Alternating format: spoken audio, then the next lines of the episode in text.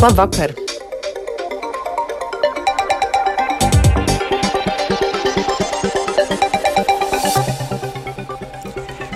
Ir seši vakarā studijā ar dienas ziņām Sanita Kārkliņa, un vispirms īsi ieskats tajā, ko vēstīsim. Ukrainā nogāzies iekšlietu ministrijas helikopters, ir upuri, tostarp bērni.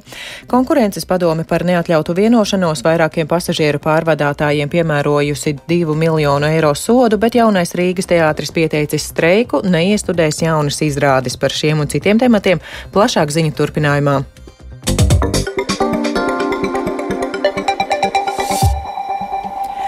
Ukrainā Kijivas apgabala Brovaru pilsētā aptuveni 20 km no galvaspilsētas šorīt nogāzās helikopters, kurā atradās Ukrainas iekšlietu ministrijas vadība.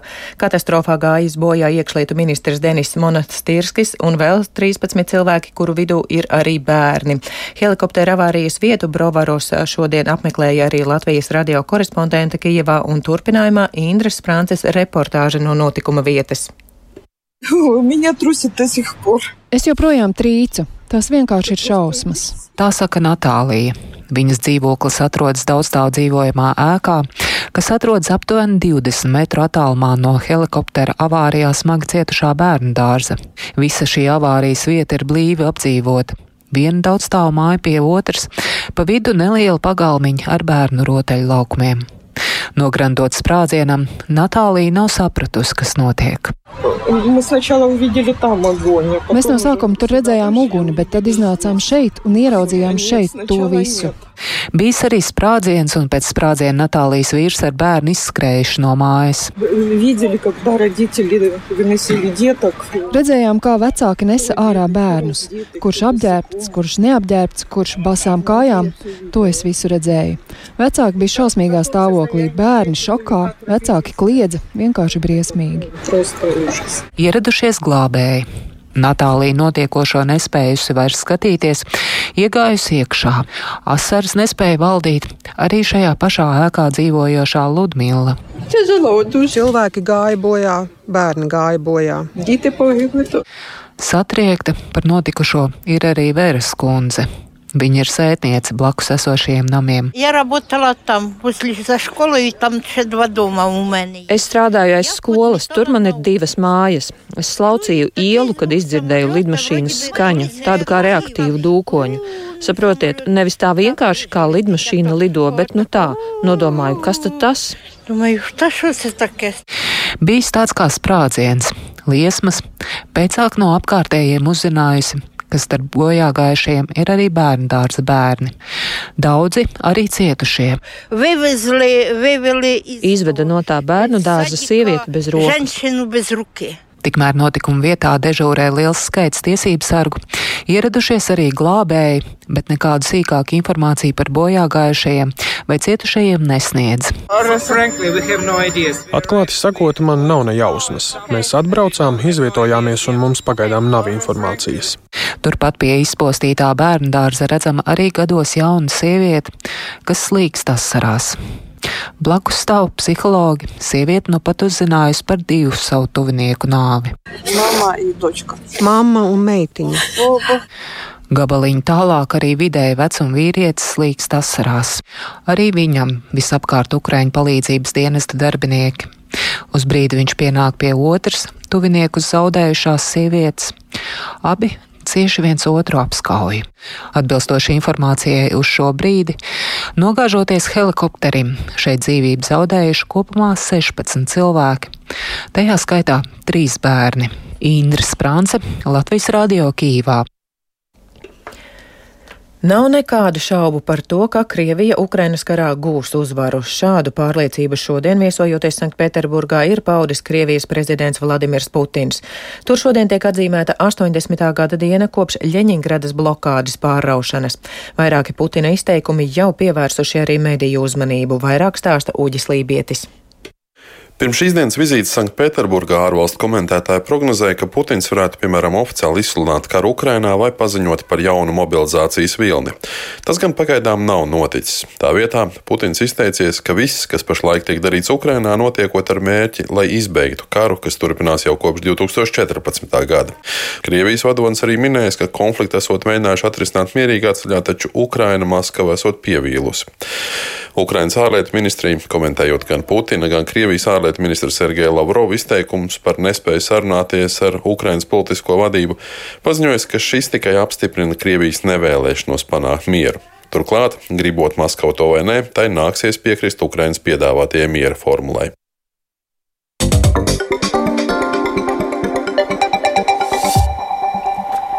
Konkurences padome par aizliegtu vienošanos ar teju diviem miljoniem eiro sodījusi Liepājas autobusu parku, Nordeku un Latvijas sabiedrisko autobusu. Tas saistīts ar vienošanos autotransporta direkcijas organizētajos iepirkumos par sabiedriskā transporta pakalpojumu sniegšanu reģionālās nozīmes maršrutos uz desmit gadiem. Lai gan tagadējos līgumus konkurences padomas lēmums pagaidām neietekmē, kā piemēroto sodu vērtē uzņēmumi un ko par to saka arotbiedrība, vairāk Viktora Demīdova ierakstā. 2019. gadā valsts izsludinātajā iepirkumā uzņēmums Liepājas autobusu parks, Nordeka un Latvijas sabiedriskais autobuss savā starpā sadalīja reģionālo autobusu lotes, jeb reģionus, kuros viņi varētu izsniegt pakalpojumu. Tā šodien paziņoja konkurences padome, norādot, ka viņiem par to noziņoja kāds uzņēmums, kuru tagad neatklāja. Turpina tās pārstāve Ieva Šmite. Viņi arī vienojās, vai startēs kādā lotē individuāli vai izmantos apvienību. Un šajā gadījumā tas ir jāizprot tādējādi, ka apvienība nevis tāpēc, ka viņi nevarēja kvalificēties, vai tāpēc, ka objektīvi iemeslu dēļ viņiem tā apvienība bija tajā brīdī nepieciešama, bet tieši pretēji, lai viņi varētu realizēt šo karteļu vienošanos ar mērķi, lai faktiski lotes ietveros sadalītu šo kilometru apjomu savā starpā. Uzņēmumi lēmumam nepiekrīt, piemēram, Nordika noraida izvirzītos apgalvojumus un gatavojas apstrīdēt lēmumu. Viņi uzskata, ka padome ir tendenciozi vērtējusi lietā esošos pierādījumus un līdz ar to ir nonākusi pie kļūdainiem secinājumiem. Līdzīgi izsakās arī Liepājas autobusu parks, kas centīsies pierādīt savu godprātību. Ja teju divu miljonu lielo sodu komersantiem neizdosies apstrīdēt, tad tas nopietni ietekmēs autobusu šoferus. Tā uzskata Latvijas sabiedrisko pakalpojumu un transporta darbinieku arotbiedrības Lakars vadītājs Juris Kalniņš, atzīstot, ka šādi konkurences padomis paziņojumi met ēnu uz iepirkumiem. Ja tādas naudas summas jāmaksā un um, kādiem līdzekļiem tā tiks maksāt un kādu iespaidu atstās arī uz transporta darbinieku algām un citām sociālām garantijām. Tās, protams, ir bažas.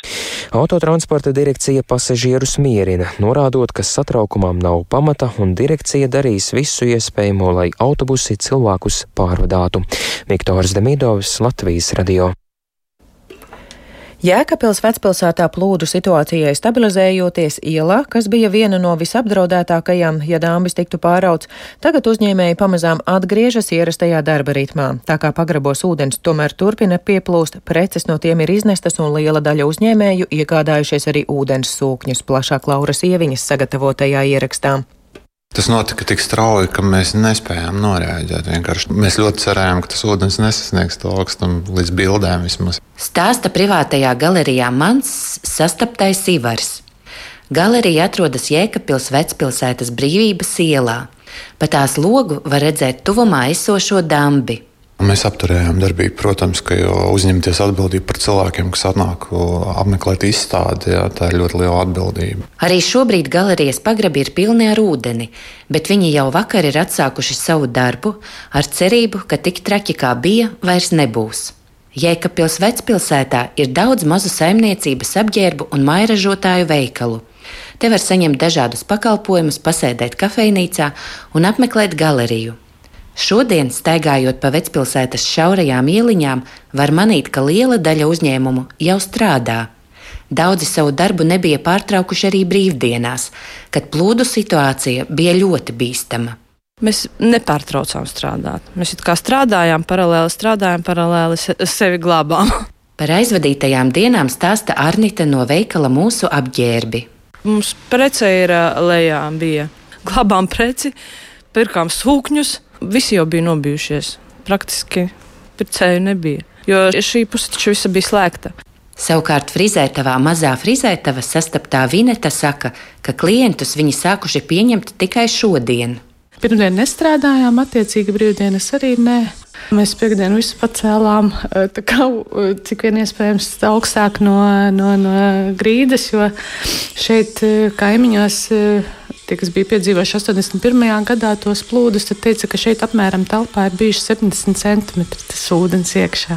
Pagrabi vecpilsētā Brīvības ielā ir applūduši joprojām, taču kopumā uzrunātie uzņēmumu darbinieki atzina, ka precēsot paspējuši izglābt. Tāpat neviens pašlaik negrasās kaut vai uz laiku pārtraukt savu darbību. Viņi plāno strādāt ierastajā darba režīmā, nepieciešamības gadījumā attiecīgi reaģējot. Laura Ieviņa, Latvijas Rādio studija Latgalē.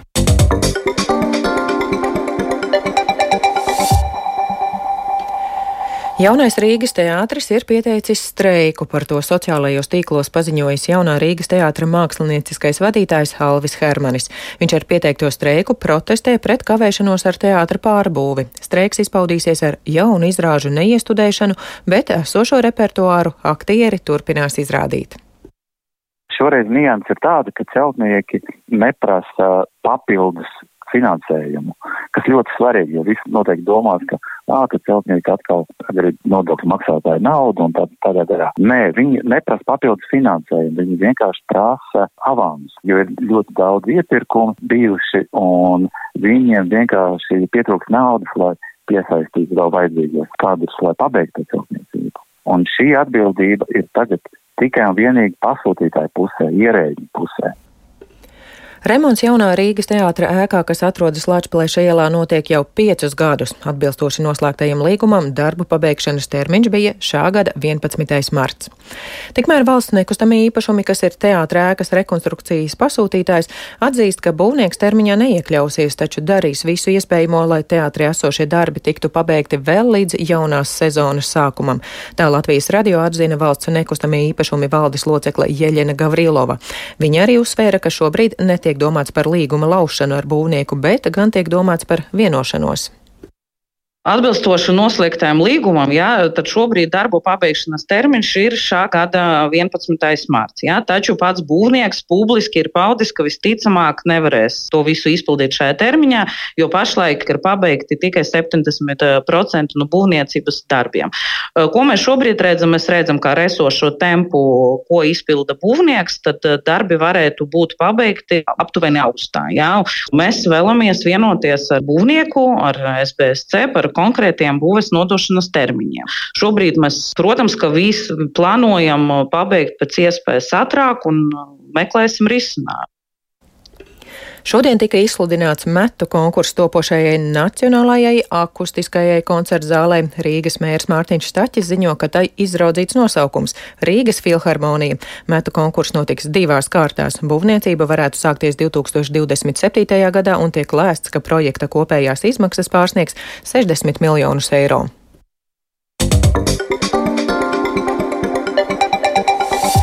Latvijas tenisiste Aļona Ostāpenko šodien ne bez problēmām sasniedza Austrālijas Open trešo kārtu. Ostāpenko trīs setos ar 7-6, 5-7 un 6-0 uzvarot Annu Bondaru no Ungārijas. Mača sākums Austrālijā gan krietni aizkavējās, bet plašāk par Latvijas tenisistes šī rīta spēli zina stāstīt Mārtiņš Bergs. Mača sākums Melburnā lietus dēļ aizkavējās par aptuveni sešām stundām, kas neizbēgami ietekmēja abu spēlētāju sniegumu. Ostāpenko visu spēli aizvadīja savu tipiskā stilā, spēlējot ļoti agresīvu, uzbrukošu tenisu ar daudz tīri uzvarētām izspēlēm un arī ar lielu kļūdu skaitu. Tāpat neiztika bez Ostāpenko ierastās neapmierinātības un runāšanas laukumā, taču beigu beigās Latvijas tenisisti trešajā setā spēja salauzt pretinieci, un viņa atkārtoja pērniespētu to Austrālijā, sasniedzot trešo kārtu vienspēlēs. Trešajā kārtā Ostāpenko pretī stāsies Ukrainas sportiste Katerina Baindla, tāpat Latvijas tenisistē priekšā arī dubultspēļu turnīra sākums. Ar to izskan dienas ziņas sešos vakarā. Producente Aika Pelēne, ierakstus montēja Uldis Grīnbergs, pie skaņu pults bija Mārtiņš Paeglis, bet studijā Sanita Kārkliņa. Vēl par laiku šodien Latvijā apmācies, Latviju sākusi šķērsot plaša nokrišņa zona, ilgstošs sniegs, slapjš sniegs, austrumos arī lietus, bet par laiku turpmākajām dienām plašāk stāv stāsta Toms Brīsis. Nākamajā naktī vidzemes rietumos un lielā daļā zemgales ilgstoši sniks, izveidosies 4 līdz 8 cm bieza sniega kārta, un minētajos reģionos, tostarp arī Rīgā, satiksme ceturtdienas rītā būs lēnāka, braukšanas apstākļi sarežģīti. Citviet Latvijā nokrišņi būs nelieli, slapjš sniegs un lietus, temperatūra mīnus 1,2 grādi, bet Latgalē nakts gaitā kļūs pat siltāks, temperatūra pakāpsies līdz plus 3,6 grādiem, lokāli iespējami 19. janvāra siltuma rekordi. Brīvdienās liela nokrišņa nebūs, vietām pavisam nedaudz var snikt, biežāk uzspīdēs saule, gaisa temperatūra naktīs pārsvarā - 7,0 grādu robežās, dienās - 3,3 grādi.